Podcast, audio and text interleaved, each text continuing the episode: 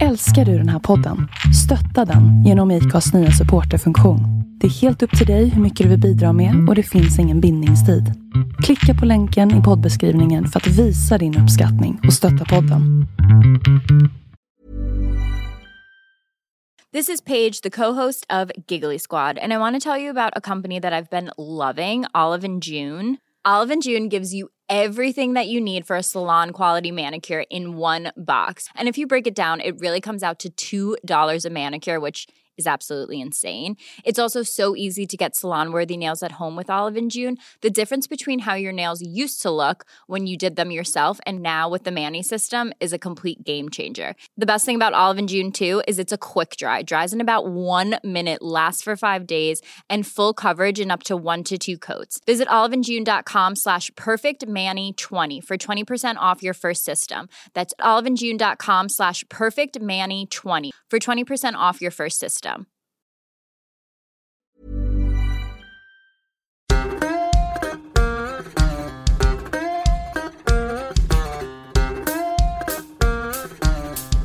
Jag har kört Vi måste prata i snart tre år med varierad frekvens.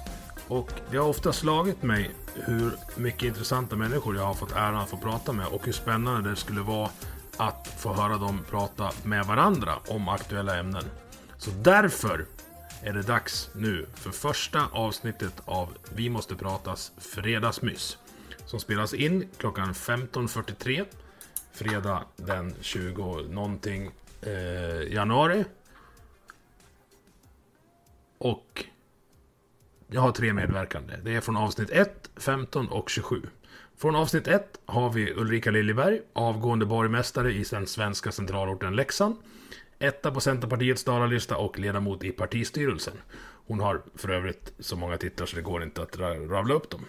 Från avsnitt 15 har vi Per-Ola Olsson, känd som Snyggbonde på Twitter. Han har myntat uttrycket banjohögen och blandar jobbet som ledarskribent med att installera och reparera reningsverk. Nej. Och sen har vi från avsnitt 27 Agneta Ljungberg, passionerad pensionerad psykolog som inte backar för att säga vad hon tycker, har en historia av att ta folk i örat oavsett vilket folk örat sitter fast på när de börjar ta i det. Välkomna! Ja, men tusen tack. Tack så mycket. Och vi har också tre stycken ganska skilda röster så jag tror att folk kommer att höra eh, vilka ni är. Ulrika, stämde presentationen in på dig? Ja, men det tycker jag väl. Eh, vi nämnde ju ingenting om Leksands IF och, och sådär, men det är klart, jag är en gammal hockeyspelare också. Det trodde jag du skulle ta upp, men annars så stämmer det väldigt väl. Ja. Per-Ola? Ja, för fan. Det är bra. Och Agneta? Ja, absolut. Öron är till för att ta sig. Ja. Vi har tre aktuella ämnen som vi ska försöka diskutera runt 10 minuter, men vi har ingen bortre tidsgräns förutom att jag ska iväg och köra lastbil mitt i natten. Vi börjar i, i alla fall mitt, Agnetas och Ulrikas närområde, Bålänge, där Kärna Ängar var föremål för ett avsnitt av Uppdrag granskning, där mycket fokuserades på utanförskap och att man inte ens vet hur många som bor där, vilket medför en hel del problem. Ulrika, du som är verksam i kommunpolitiken, hur skulle du definiera problemet och har du någon lösning att ge oss? Eh, vad är det man säger? Vore det enkelt så hade vi löst det för länge sedan. Det tror jag gäller det här och många andra samhällsproblem. Eh, jag tyckte du sa väldigt bra att det är ett utanförskap eh, som vi behöver titta på. Eh, jag såg programmet, även fast jag ju har en, en viss erfarenhet av Uppdrag granskning. Det har ju Emil och jag, vi har varit med och sådär. Men jag såg Vi det. har fällt dem. Ja, det har vi. Eh, men, eh, och jag känner ju flera av dem som var med också. Och jag måste säga att många gör ju ett väldigt bra jobb där. Eh, men det behövs mer, det behövs, eh, skulle jag säga, en, mer, en ökad tydlighet från det offentliga sida. Det behövs bättre samordning. Eh, kanske några pusselbitar, men egentligen skulle jag säga att mycket av det som behöver göras, det finns där. Så att eh, ja, eh, det, är, det jag kan vända mig mot lite grann när jag ser i debatter och, och trådar som följer det. Så här, jag flyttade till Borlänge 1985 för att gå gymnasiet där, för jag bodde så på landet då att man inte kunde åka till gymnasiet, man var tvungen att flytta. Man flyttade hemifrån när man var 16. Eh, då fanns det ett utanförskap i Tjärna ängar också. Så att jag kan tycka att en del av det som förs fram är lite historielöst. Eh, men fortfarande, det behövs eh, mer samling, mer tydlighet, eh, mer långsiktighet. Ja, då kan jag bara säga att jag håller ju med Ulrika att det utanförskapet som finns i Tjärna ängar, det fanns redan när jag var ung och det är himla länge sedan ska jag säga. Alltså att det har alltid, Tjärna ängar har ju alltid varit stället för oönskade individer i olika hög grad. Folk som inte har haft jobb, som inte har klarat sig själva och som har behövt stöd från en den ena än den andra offentliga insatsen. Och sen är det inte det här med, med hur man löser det, är inte så enkelt. Alltså det handlar ju om kultur och anpassning och integration och det är inte heller enkelt, för vore det enkelt så, så hade vi löst det. Jag har ju erfarenheter av att ha bott ett kort tag i Spanien och ett betydligt längre tag i Norge. Och bara det att flytta till Norge var en enorm kulturchock.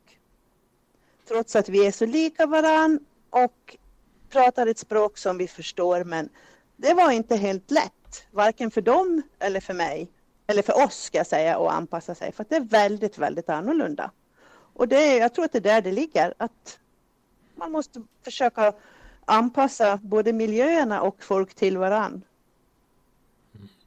Och så ska, ska jag säga att jag tyckte inte att det där programmet var särskilt bra. Vad var det du inte gillade? Nej, jag, alltså jag tyckte det var platt och inte ett sägande egentligen. Faktiskt. Mm. Ja. Per-Ola? Alltså nu har jag inte tittat på programmet eftersom jag inte äh, tycker om Uppdrag granskning.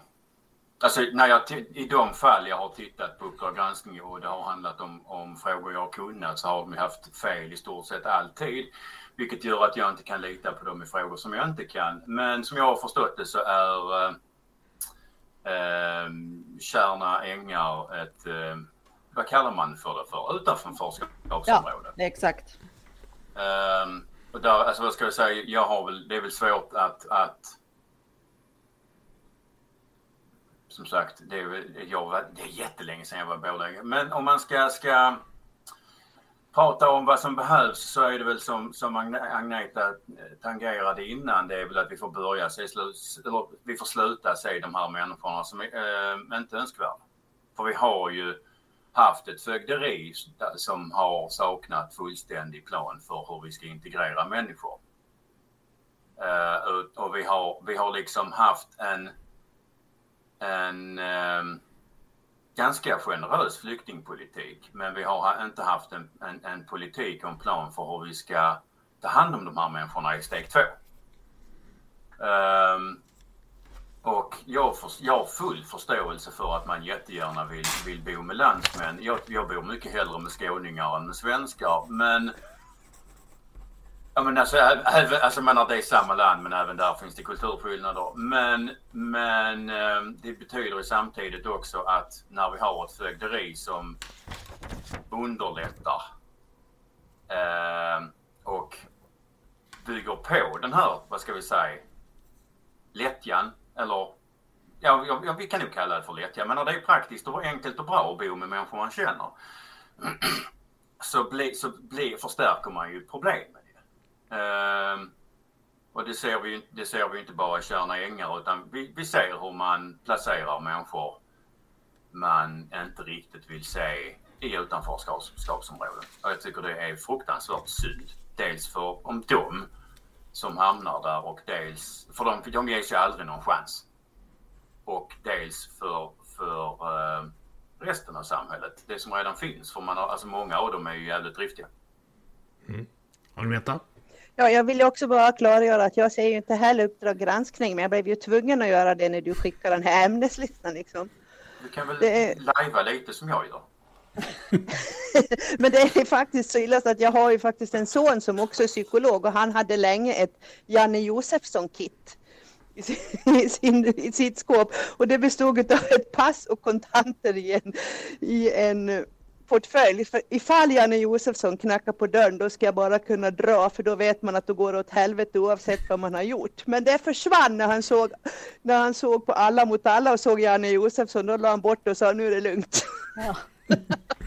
ja, men... Ulrika, du har ju Janne Josefsson-erfarenhet. Nej, men jag har ju verkligen, jag har ju varit med och jag tror att man sa då att det var det program som var mest för hans eh, intresse och nästan sedan dess. Vi påminns ju nästan av det, jag ska säga varje månad och det har gått tio år så att säga. Så det var ett stort ämne och eh, eh men jag egentligen, jag tycker Uppdrag är ett bra program för de sätter finger på saker och de har gjort att vi i det offentliga Sverige, vi sköter oss bättre än vad vi gjorde före sådana program kom. Sen kan man ha avarter och som sagt de blev fällda för vårt. Men jag, generellt så tycker jag att det är bra.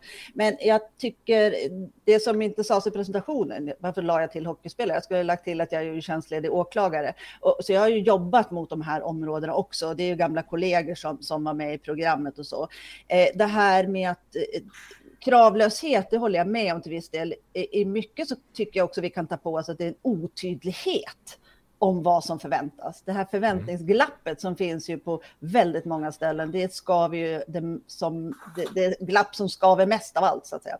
Eh, vi behöver samordna resurser. Jag känner ju även rektorn på Tjärna Ängarskolan. Alltså, vi har resurser i samhället. Det finns. Vi har höga skatter. Vi, vi hör mycket. Vi behöver få ut mer av det. Vi behöver samordnas och jobbas bättre. Det är inte önskvärda, det känner jag att där går man en gräns. Jag är faktiskt för att vi ska vara, eh, skydda eh, människor människor som har kommit hit och har skydds eh, alltså har, har rätt att få skydd så att säga. Men vi måste kunna, det är inte lika med tecken med kravlöst och otydligt så att säga. Eh, och jag tycker att eh, samhällsklimatet är att eh, det finns, vi kan ta de stegen nu. Det jag reagerar på är just det här, eh, så inte för att du har sagt det, men, men många som förespråkar en generös flyktingpolitik har också ställt sig bakom Dublinförordningen som, som ju faktiskt var den reella orsaken till att folk drunknar på Medelhavet. Jag, jag, får inte det att gå ihop. Jag tycker att det är, är kraftigt hyckleri i kombination med det som Agneta säger. Att det måste vara tydligt med vad som förväntas. Du, så här, kommer du hit, har asylskäl, då ska du, du ska få en lapp i eh, en, vad ska man säga, etiskt anpassad lapp på ditt språk, på din kultur, en lathund. Så här, så här funkar det i Sverige, de här problemen brukar vi ha. Här är lösningarna på dem. Men Dublinförordningen är en tulipanaros, den är gjord för att inte funka. Vi skulle behöva ha ett omfördelningssystem i, i EU, men att få det på plats, det är väl lika lätt som att få säkerhetsrådet i FN och gå med på sanktioner mot Ryssland när de sitter med ungefär. Mm. Så, att, så, så, det är ju väldigt svårt eh, eh och jag är med på det. Så vi behöver se över, och det är väl en koloss att flytta. Eh, så att ja, Ja, jag håller med. Jag tycker det är intressant, alltså de som är mest kritiska med, mot, mot just det här, man kan inte ta hit andra kulturer, de måste anpassa sig direkt när de kommer hit. Skulle de bli tvungna att fly, de människorna som driver den linjen hårdast, jag lovar att de har en majstång på plats ta med fan dag två i det nya landet. Den kommer att smällas upp innan de har tak över huvudet. Per-Ola? Får jag skälla på sossarna? Ja! Ja. Då gör jag det. Um... Du får prata närmare micken också. Jag kommer ihåg, eh, det är jättemånga år sedan nu, det var ett, något av alla de debattprogram som, som man hade. Eh, och där var företrädare för Rosengård och eh, där var eh, på, på andra sidan Mona Sahlin och någon sosse till. Och eh, de här företrädarna från Rosengård de var väldigt tydliga med sin kritik och berättade även att det, det funkar liksom inte att bygga någon form av getto. Liksom. Eh, och, det, liksom, och det funkar inte och framförallt att bygga någon form av getto och sen alltså i syfte att behålla de här människorna i, i behov av i praktiken sossepolitik för att man, man, man köper sig röster genom att hålla folk kvar i, i ett bidragsberoende. Uh, och det, det svar de då fick ifrån Salin och den andra sossen det var ju att men det här förstår ju inte riktigt nej.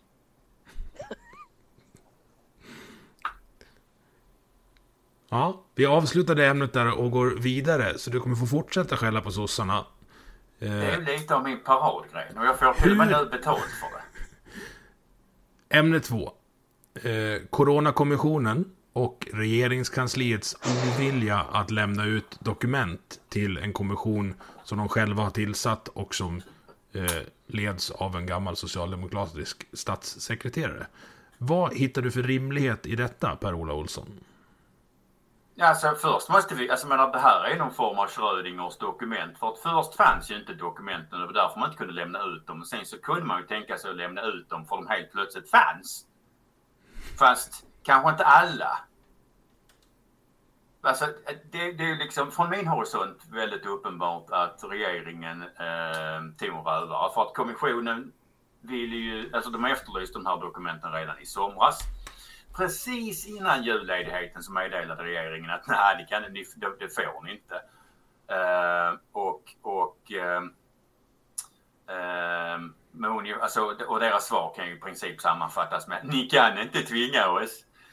Och sen skyllde man på att dokumenten fanns inte och sen eh, så hittar man dem fast man, och man skulle kunna tänka sig att lämna ut dem. Så att där är vi ju på mörka Eh, sen kan man ju även rikta viss kritik mot förfarandet att eh, låta partiegna göra utredningar och stå för, för, för att leda kommissioner som ska granska regeringen. Eh, men det är ju å andra sidan en, en eh, paradgren för sossarna. Så att, eh, ja, alltså jag är kritisk. Det märks. Ulrika, vad säger du? Ja, men om jag får vara lite förvaltningsjuristen här så, så jag kan till viss del försvara, förklara. Offentlighetsprincipen är inte till för att man ska få reda på allt som, som sägs och skrivs och antecknas eh, någonstans, så att säga. Eh, det ska vara en upprättad och inkommen handling och, och sen ska den då vara offentlig eller sekretessbelagd. Så att det kan jag köpa att inte... Det finns, jag ser liksom att det finns en tro att man ska kunna lämna ut allt. Men med det sagt så ja, det finns ju dokument som uppenbarligen skulle ha, ha passerat även det nålsögat.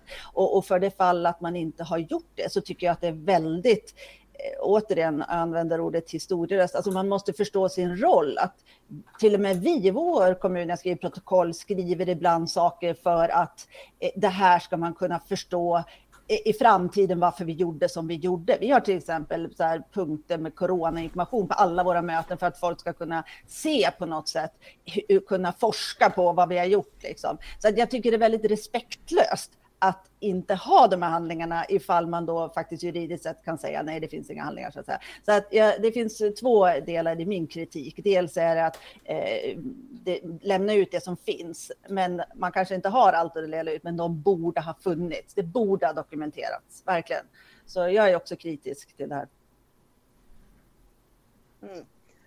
Och jag har väldigt liten koll på vad det är de inte lämnar ut och vad det är som finns och inte finns. Men jag vet ju att i mitt yrke alltså som psykolog, där är det så att allt man skriver är journalhandling. Så sitter jag och kladdar och ritar på under en session till exempel, då ska det sparas som journalhandling och det är någonting som kom för säkert 15 år sedan. Före det så kunde man ha arbetsdokument under tiden man höll på med någonting och sen kunde man makulera det när man hade dokumenterat det. Men nu ska allt sparas, det ska finnas så att man kan gå tillbaka och titta. Så jag förstår inte varför man inte ska kunna ha det så. Nu kringgår ju vi det genom att anonymisera anteckningarna så vet man aldrig till vilken det hör. För jag menar, om jag skriver kolla med mamman på ett papper, det finns ju liksom ingen anledning att jag ska ha ett dokumentskåp för att spara det pappret liksom, som jag antecknar när jag sitter och pratar med någon.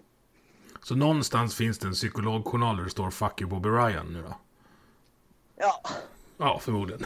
Per-Ola? För att återknyta till Ulrikas det rent förvaltningsjuridiska. Det, alltså det är helt rätt att alla, alltså alla, offentliga, alla, alla offentliga handlingar inte är allmänna eller om det är tvärtom. Men att det finns betyder på, eh, på en offentlig myndighet betyder inte att all, alltså alla kan begära ut dem. Nej. Men om vi, ska, alltså om vi ska dra det på det viset då, ska jag, då kan ju inte departementet hantera kommissionens begäran bara genom att säga nej, utan det får de göra precis som i all annan hantering. Sekretessprövade och sen lämna ett överklagansbart beslut och sen så hade ju kommissionen och, och eh, regeringskansliet fått mötas i eh, förvaltningsrätten. Jo, Ja, men jag är med på det. Men säg till exempel att vi har ett möte med hela den där, vad heter den gruppen som det pratas om? Så ja, precis. Ja, precis. Säg att de är människor med exceptionellt bra minne och alla förstår, då skulle de kunna köra De är myndighetsanställda. Nej, men alltså jag menar, akta dig du. Eh, nej, men alltså de skulle ju kunna ha så här, nu har vi tre handlingsalternativ, bluttan, bluttan, blä. Och sen så har det, all, det är ingen som antecknar det så att säga. Så finns det egentligen inget fel i det liksom handlingsmässigt. Och så kommer de fram till ett alternativ alternativ och så protokollför man det. Liksom. Men det är lite historielöst att inte skriva ner de här alternativen och sen kanske ja, för att man ska kunna följa resonemangen så att säga. Men, men allt behöver ju inte fästas på fråga mamman, men man skulle kunna komma ihåg det också så att säga så att man inte har någon övertro liksom. Det är inget, ja.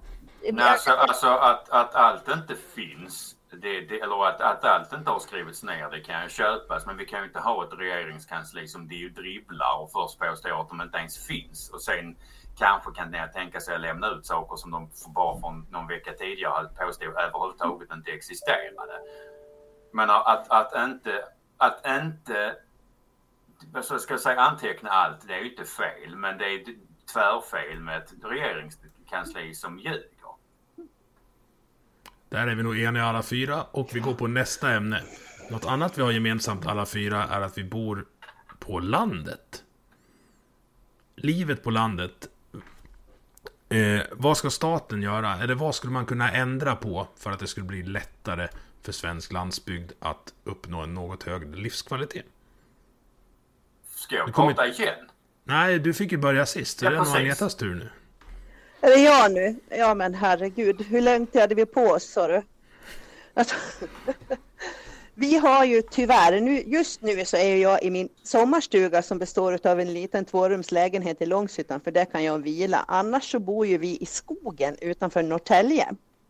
Och det har faktiskt visat sig att det har blivit helvetet på jorden för att vi är två stycken fastboende som bor där. Så är resten sommarstugsägare.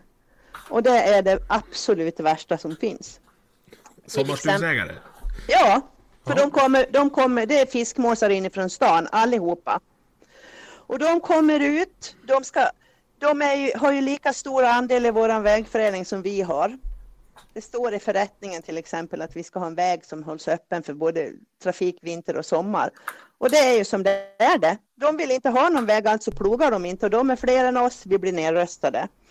Eh, bränslet är sjukt dyrt att köpa det är helt okej. Okay. Om man nu bor på Södermalm och det vid Mariatorget, för där har jag också bott ett tag när jag jobbade där inne i stan och där gick tunnelbanan var tredje minut eller någonting sånt där. Då behöver man ingen bil.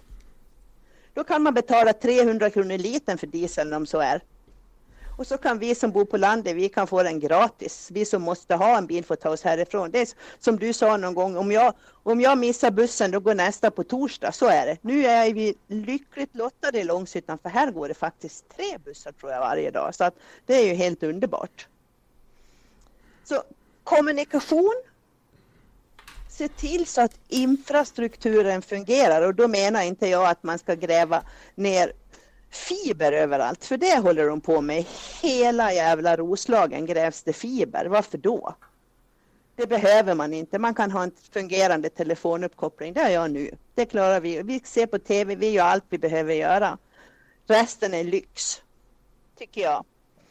Eh, man måste se till så att det finns möjlighet att få mat.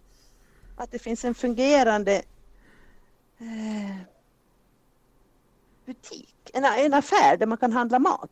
Det gör det inte där vi bor. I, alltså i, i Långshyttan finns det, det är nog Sveriges bästa ICA-butik. Heja Thomas! Däremot så den där vi bor på det andra stället den är helt meningslös för att där får man, man får ha extra glasögon med sig så man kan lusläsa datum och alltihop och frågar man efter någonting då säger han det är slut. Så att det, alltså det måste vara enklare att leva på landet. Vi kan till exempel inte Våran väg är så dåligt skick så hemtjänst vägrar åka för de har kört av vägen för många gånger. Alltså någon gång önskar man ju att man får någon som ser på en med sådana vackra ögon som Per-Ola tittade på dig när du sa dieselpriser. Så vi lämnar över ordet till Skåne. Ja, men, ja med risk för att det kan bli en ganska lång monolog här nu, men jag ska försöka begränsa mig. Um, det är helt rätt att bränslet är åt helvete för dyrt och där kan man ju även rikta en känga mot Centern. Um, och Miljöpartiet och sossarna. Inblandningen är ju tramsig eh, och skatterna är eh, tramsiga. Um, vi kan, alltså Agneta har även en väldigt bra poäng när det gäller eh, vad hon benämner som måsar. Så, för att vi har, alltså det har alltid varit konflikter på landsbygden. Men de konflikterna har tidigare handlat, alltså men alla har varit, behov, eller varit överens om att det fanns ett behov och att saker och ting skulle funka. Man har varit överens om att det skulle finnas väg, man har varit överens om att man skulle jaga och så vidare. Men man har inte alltid varit överens om tagen och om hur. Man, alltså konflikterna har handlat om hur många gånger ska vi skrapa vägen? Hur, eh, hur, hur, alltså man, ska, vi ta upp, ska vi köra snöplogen till lunch också eller räcker det morgon och kväll? Men alltså som sagt, man har varit oense mer om hur, inte om att. För man, man har, alltså alla har haft behov av vägen, men har bara inte varit, eller, eller jakten, man har bara varit oense om hur det skulle skötas. Nu har vi en allt större klick människor som flyttar ut på landet vars främsta drivkraft är att saker och ting inte ska fungera. Och de har, med det system vi har, mer makt än de som vill att det ska fungera. Så att vi kommer inom en ganska snar framtid behöva eh, titta på samägande, alltså de, de, de, de, de lagstiftningar som eh, medger eh, gemensam förvaltning helt enkelt. När vi tittar på vägar och så vidare. Eh, vi behöver ett samhälle som, eller en politik som låter landsbygden vara i fred på rätt sätt. Som det är nu så har man ju liksom skitit i att leverera basic. Man, man lämnar walkover när det gäller vägar, infrastruktur eh, och så vidare i vård. Eh, men är fruktansvärt duktig på att detaljreglera eh, och det funkar inte. Jag hade gärna sett att det var tvärtom, att man, staten levererade basic och när det inte funkar så lät man människorna på landsbygden lösa sina problem själva. Eh, så att vi behöver mer frihet och mindre politik helt enkelt. Och med det lämnar vi över till den enda politikern vi har med oss. som är borgmästare över 94 byar i Sveriges mediankommun. Nej, men jag känner igen mig mycket, fast jag, jag två saker ändå. Alltså det här eh, partnerskapet som är på något sätt mellan fritidshus, företagare, fastboende och så. Det kan ju också funka bra. I min by gör ju det att tåget faktiskt stannar och att butiken finns och att vi kan bygga ut VA. Det är ju tack vare att vi har fritidshus och många besökare också. Så att eh, det där är ju, ja, jag tycker det är lite kluvet. Men det jag kan känna mest är, jag har bott i Stockholm i 15 år efter då 15 år här i, i byn och sen 15 år tillbaka. Så ni kan räkna ut ungefär hur gammal jag blir och lite till. Eh, alltså, så jag, jag, kan ju se att eh, i mångt och mycket så, så finns det fördelar med, med eh, båda ställena att bo och jag kan tycka ibland att vi bara ser den andras fördelar och, och så våra egna nackdelar så att säga. Eh, och, men å andra sidan vill ingen flytta till det andra fast man uppmålar alla fördelar. Så att jag kan tycka att, eh, och jag kan också tycka att det blir väldigt schabloniserat. Man låter som jag jobbar på FN här, men ändå. Jag menar, alltså, som jag har eh, ett, ett svårt autistiskt dotter som bor på gruppboende. Jag har ju ibland mer gemensamt med, med någon i exakt samma situation, oavsett vad de har för postnummer. Jag kan tycka att vi, vi verkligen gör människor till, till liksom den här polariseringen stad och land. Jag köper inte den alla gånger. Eh, sen, med det sagt, så finns ju ett skäl till att jag kandiderar till riksdagen, det är att jag tycker att eh, kommunerna har fått blivit en eh, slasktratt att ta hand om väldigt mycket. Eh, slasktratt är väl, eh, man kan använda väligare ord, att staten har abdikerat på många områden. Jag håller ju helt och hållet med där. Alltså man måste, basic, Maslow, kalla det vad som helst, alltså, och då pratar jag försvaret, polisen, rättsväsendet, eh, eh arbetsförmedlingar, försäkringskassor och, och, och eh, infrastruktur, hela nationella transportplanerna vi pratar om nu. Man måste ta ett större ansvar. Eh, och det måste finnas en känsla av att det är, är rättvist, även fast det inte kommer att bli exakt lika. Den här känslan, det är den som håller oss samman på något sätt och den finns inte nu och den, det är olyckligt så att säga. Så jag tycker att det finns eh, eh mycket vi kan eh, göra på det här så att säga, även fast jag inte är lika svart och vitt så att säga. Jag tror människor är nyanser på något sätt. Jag håller med och eh, jag kan även understryka det här med att eh, polariseringen och se svart och vitt. Alltså det, finns ju, det kan finnas fördelar att hitta även i de eh, nackdelarna. Nu tror jag att preskriptionstiden har gått ut, men, men polisbristen i Dalarna gjorde att det fanns ju väldigt mycket kreativa övningskörningsmöjligheter eh, när jag var ung. Eh, Precis. Agneta? Ja, alltså kulturkrock. Det är vi tillbaks där då när det gäller det här med, med, land och stad. För nu såg jag på tv en morgon den här veckan om någon på, på något fik på Södermalm som var så väldigt fiffig för han hade hittat på att hans jävla kaffekopp kostar 47 kronor på morgonen. Men om man sa en kopp kaffe tack så kostar den bara 30, 37 och om man sa god morgon kan jag få en kopp kaffe tack då sänkte de priset till 27. Vad fan det säger väl vi alltid när vi går in. Om, vi, om jag går in på, på Wienerkonditori i Hedemora och säger jag hej hej kan jag få en kopp kaffe? Och jag sa, det är samma pris för alla. Jag menar det är väl vanligt folkvett. Man ska väl inte behöva tjäna 20 spänn för att man har använt sig av vanligt folkvett. För det är ju så det är. Men så vill jag också säga det här med kommunerna som, som Ulrika var inne på. De har ju blivit ett sätt att smygbeskatta befolkningen. För det vårat hus ligger i Norrtälje igen, nu säger jag det, det ligger mitt i skogen. Vi har en granne och det är min son och han köpte en tomt av Sveaskog. Sen är det hur långt som helst till nästa granne, två, tre kilometer. Lik förbannat ska vi söka bygglov för x antal tusen kronor om vi vill bygga en liten bastu eller om vi vill bygga ett utedass eller vad vi vill göra. För det finns redan de här två komplementärbyggnaderna som man får bygga, som vi har bygganmält och redan betalat för. Så att och i, här när vi satt in i huset som vi hade i eller Långshyttan, när vi satte in en eh, kamininsats i öppna spisen som var godkänd för eldning. Vi fick elda hur mycket vi ville i den. Så skulle kommunen lik förbannat ha en bygglovsavgift på 11 000 kronor och inskickade ritningar så att de såg att vi inte skulle flytta skorsten på att sätta in glasdörrar i kamin. Alltså det har ju blivit horribelt. Det är ett sätt att smygbeskatta folk ta ut så mycket kommunala avgifter som det på något vis går och krångla till det så att man inte ska kunna göra någonting. Och det skapar ju alltså ja, lämpliga tillfällen för vad var det du sa, kreativ övningskörning.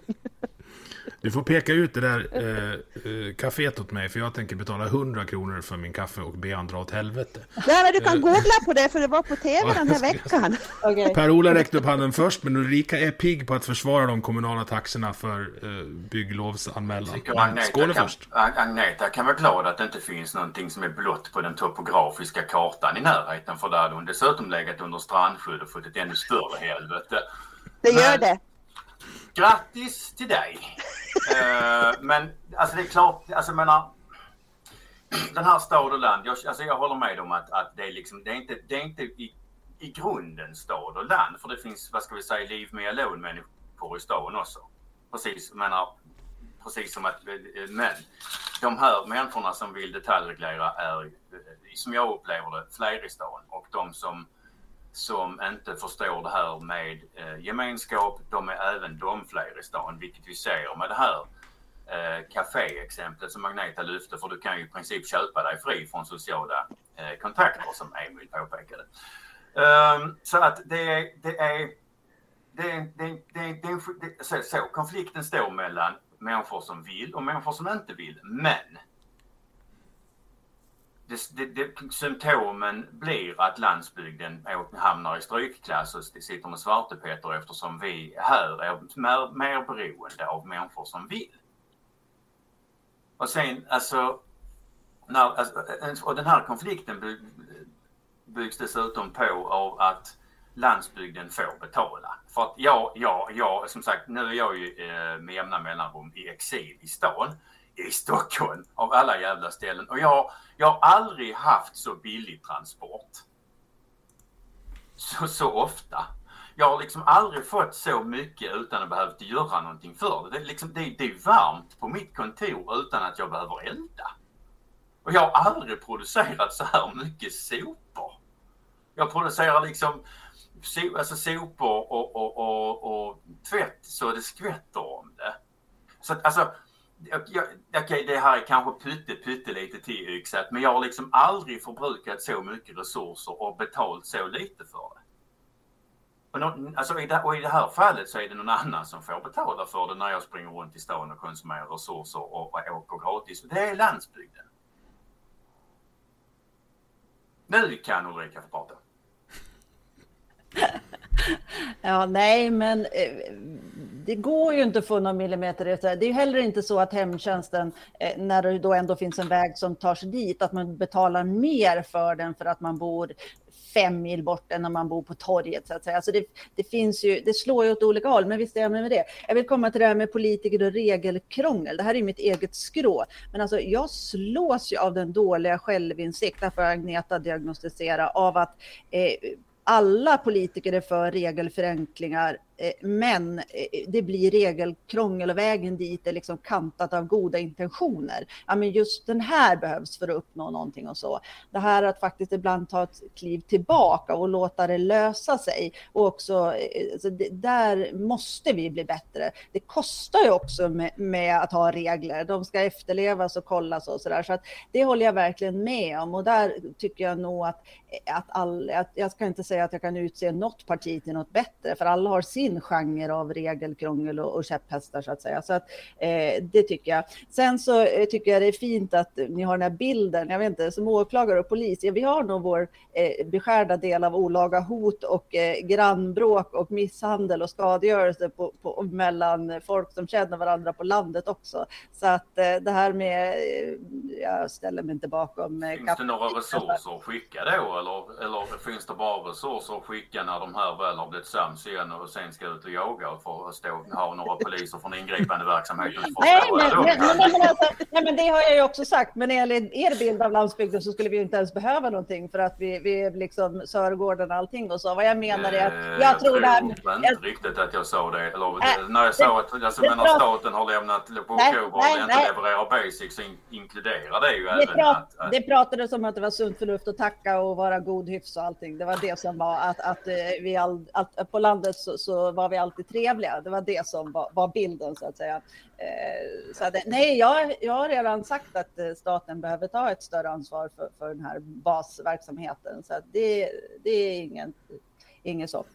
Vilka ska man rösta på då om man tycker att det är bara basverksamhet? Eller så här, ni kan få ha kamelcenter och, och, och, men, och allting. Men så här, det finns ju ingen att rösta på eftersom det ligger liksom i, i alltså uppenbarligen i liksom politikens essens och vara på och pilla och fitta i precis allt.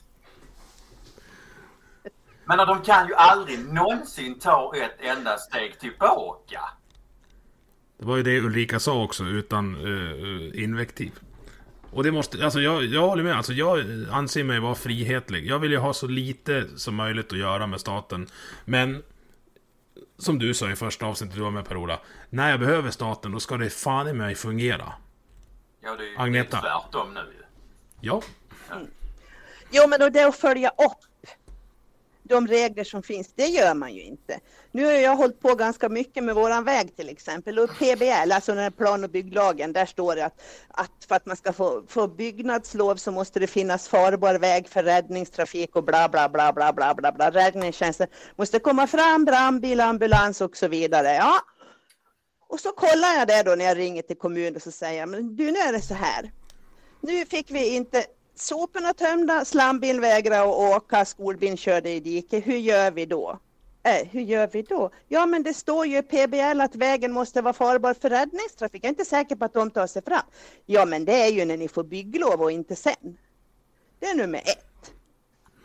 Nummer två, det gäller ju då kolla upp att man följer det som man har ställt krav på från, från, från första början. Det gäller ju mitt yrke när man har lagt ut offentlig upphandling på att söka in, köpa in eh, psykologtjänster till exempel så har man extrema krav. Man har så förbannat extrema krav så att ingen människa kan egentligen följa upp dem. Så bara de som inte är riktigt hederliga kan faktiskt, alltså det har jag varit med om, kan faktiskt kan faktiskt skicka in och säga jo men vi har det och vi har det och vi har det. För att de vet att ingen kollar upp det efteråt. Gör ni det som ni har lovat att ni levererar? Nej, det gör man inte. Och det finns så jävla enkla lösningar på det. Det är att sänka kraven, säga att det här vill vi ha. Gör ni det så kan vi komma och kolla det. Men det gör man aldrig. Man har extrema upphandlingskrav och sen släpper man det bara. Och lika det här med, med bygglov. För att nu har ju vi vid vårt blåa område som det heter, som ligger 300 meter bort, så vi klarar oss precis då från det strandskyddet. Men där har det ju nu flyttat in ett gäng jag vet inte, sjutton, jag tror att de, de, de, kanske, de kanske kommer ifrån Kina. Jag, alltså, jag vet inte, men jag har ju sett att de kommer från någon form av öststat och de går runt och håller varandra i handen och är livrädda i skogen. Men de har alltså köpt en sommarstuga nere vid sjön och de har ju ingen aning om vad som gäller utan de gör ju som de vill. Så de har byggt en palissad runt sin tomt. Och den är, alltså den är två och en halv, tre meter hög ut i vattnet runt hela tomten plus att de har grävt om hela strandlinjen. Och det får man ju inte. Emil, Men kan det... du översätta? Är det gärdsgård de menar eller? Nej, det är nog, det är, det är nog ett, palissad. Det, det är nog Norrtäljes enda gated community än ja, så länge. Ja, det är det. Det är det. Och så har de byggt en rondell inne på tomten. Men det är ju drömmen. Ja. ja. Varför får inte jag det så här Ulrika? Varför får inte jag ha en vallgrav? Ja, men jag menar, det är ju ingen som kollar upp sådana här saker. Det finns regler, det finns lagar, det finns krav, men det finns ingen som följer upp det. Men du vet Agneta, det är lättare att få förlåtelse än tillåtelse. Nej, men jag tänkte på det här du tog upp med upphandling. Det håller jag med om. Jag satt ju med Upphandlingsmyndighetens insynsråd de första, ja, var väl första sju åren ungefär. Och jag har sagt det flera gånger, jag har sagt det till, till ansvariga ministrar att eh, problemet är att vi har gjort upphandling till liksom alla goda gåvors givare. Allt ska lösas genom att vi trycker in krav i upphandling. Ja. Det är orimligt. Alltså, det blir att man tänker inte att även det kostar om vi ska upphandla någonting till. Alltså det här att eh, det suboptimeras. Alltså, verkligen, jag, jag håller med om det. Eh, och det, är, det betyder ju inte att det inte är bra saker som man ställer krav på. Men det blir liksom summan blir ändå mindre än, än alla kraven så att säga. Så att det där är, men, men det är också en stor opinion, det kan jag ju säga. Alltså, jag ser, det här med, med att vara rädd om politiker, det är inte så populärt kanske att säga. Men det är också att vi ibland säger man, man får de politiker vi förtjänar. Det gäller ju också att vi kanske värnar de som försöker stå upp för det här. För till slut så, ja, no, några måste göra det. Jag är ändå folkvald, men ibland känns det som att folk har fått för sig, speciellt där Emil bor, nej då, att, att jag har tagit makten själv på något sätt. Det har jag ju inte. Och, och, det kan jag säga nu efter 14 år och liksom har, har varit med om en hel del och sådär. Men, men eh, medskick som jag försöker passa på att göra, det är liksom, ja men, värnade värna och uppmuntra folk att bli politiker, att bli folkvalda. Liksom. Det är, vi, jag har inte större makt än det, det, jag har fått i de allmänna valen. Så att, eh. Punkt. Punkt. Uh, nej, men om vi ska försöka sammanfatta det lite. Det handlar som sagt inte om att stan har rätt. Det handlar inte om att landsbygden har rätt. Uh, utan mycket handlar om rätten till sitt eget perspektiv. Och stan har ju varit norm i många av de diskussionerna. Och det har ju varit en hämsko för landsbygden. Vi kan, alltså för, för att beskriva det så kan vi vända på det. Min farfar eh, var här, när jag var liten så var han här och eh, körde traktor Eh, går in och eh, lånar toaletten och kommer inte ut. Och mussan knackar på för farsan han höll på att köra tröska. Eh, farfar svarar inte. Eh, mussan får fatt på farsan. De får eh, knallar in på dass och då har eh, gubben suttit och dött på dassstolen. Um, de lyckas få, få, få, få, fart på pumpen på honom igen och, och slapp uh, sitt, uh, be, behöva fundera på hur de skulle förklara för mig och min lilla syster hur, att farfar hade suttit och dött på dass. Farsan ringer farmor som um, faktiskt en av förvånansvärt få gånger verkligen tappar det. Uh, för att det var inte första gången som farfar uh, hade uh, farfars hjärta stanna. Men han hade faktiskt inte tid och åka till sjukhuset. Och dessutom så, så var det inte så farligt att hjärtat stannade. Det startar ju igen. Uh, men farmor, hon, den gången gav sig farmor inte så att de utverkade en kompromiss så farfar åkte med till sjukhuset under förutsättning att han först fick åka hem och duscha.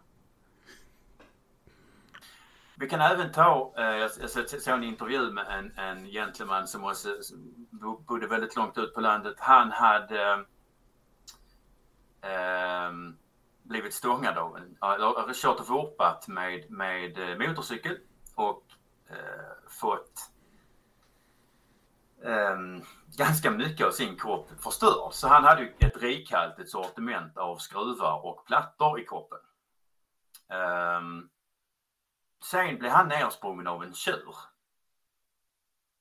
Eh, och blev, alltså det var i princip bara ryggraden och bäckenbenet på honom som var helt. Men Um, så där stack ut plattor ur skinnet på honom för han hade väldigt, väldigt öppna benbrott. Så han, alltså medan de väntade på att han, han skulle bli hämtad och, och körd till sjukhuset så eh, uh, skruvade hans chef i en av plattorna i benet igen med en stjärnskruvmejsel.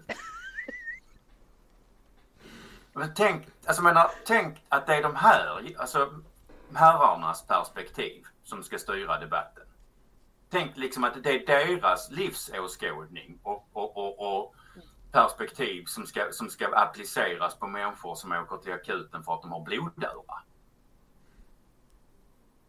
Alltså menar, det är tvärfel och lika fel blir det när, de ska, när deras perspektiv blir norm för hur vi ska leva våra liv. Så att det handlar som sagt inte, det handlar inte om rätt eller fel, det handlar om rätten till sitt eget perspektiv. Och när staden har blivit norm så har landsbygden fått lida för det, eller blivit begränsad. Nej, men det, jag verkligen håller med. Eh, väl sagt så att säga. Det, det håller jag med om. Och där är ju återigen, jag brukar återvända till det här förväntningsglappet. Det är ju det vi har. Vi har olika förväntningar. Både, det är en del av det du säger med vad, vad är normen så att säga. Det är ju vad kan man förvänta sig. Där har vi ju olika där vi bor och så.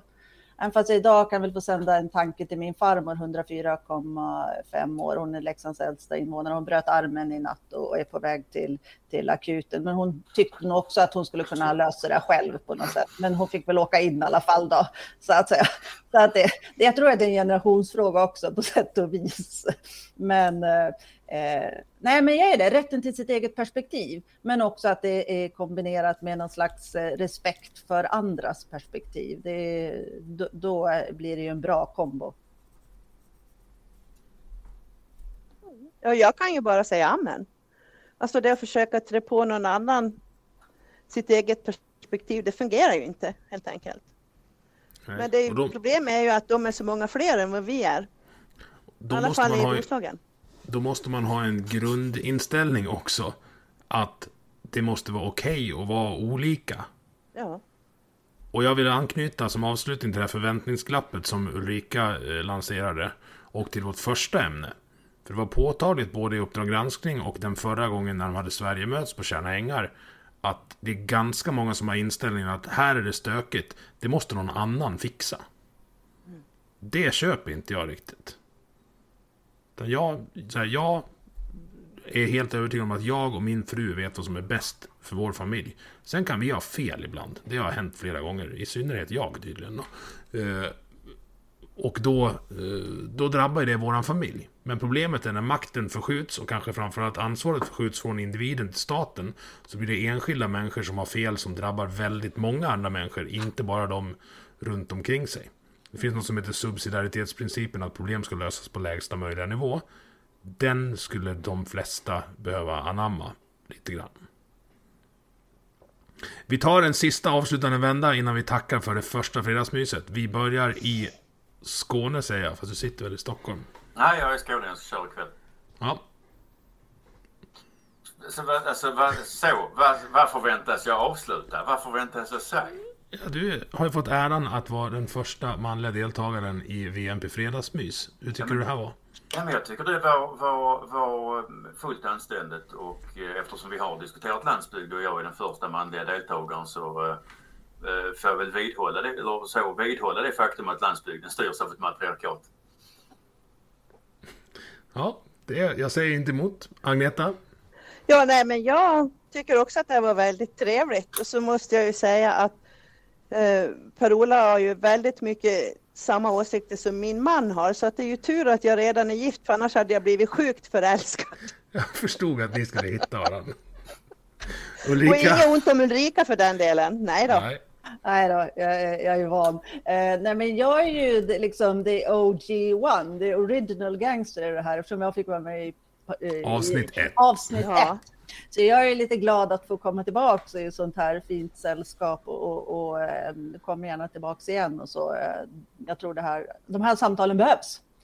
Verkligen. Det är, eh, man kanske inte kommer fram till, men man, man kommer alltid vidare tror jag med de här samtalen. Så att eh, stort tack och tummen upp. Tack så mycket. Därmed avslutar vi den första upplagan av VMP Fredagsmys. Eh, det här går att stötta på Patreon. Om man går in på patreon.com och söker på Vi måste prata så kan man ge 10 kronor per avsnitt. För det tycker jag att vi är värda, 2,50 var. Tack så mycket för att ni var med. Tack. Tack och hej. Tack, tack. Hej då.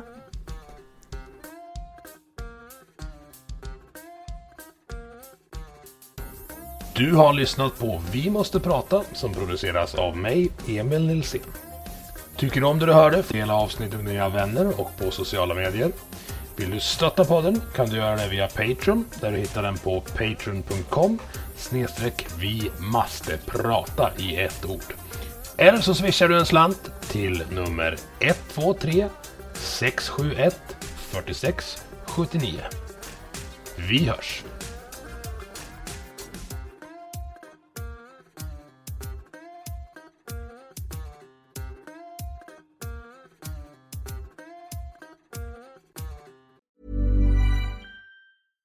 Want flexibility? Take yoga. Want flexibility with your health insurance? Check out United Healthcare Insurance Plans. Underwritten by Golden Rule Insurance Company, they offer flexible, budget friendly medical, dental, and vision coverage that may be right for you. More at uh1.com.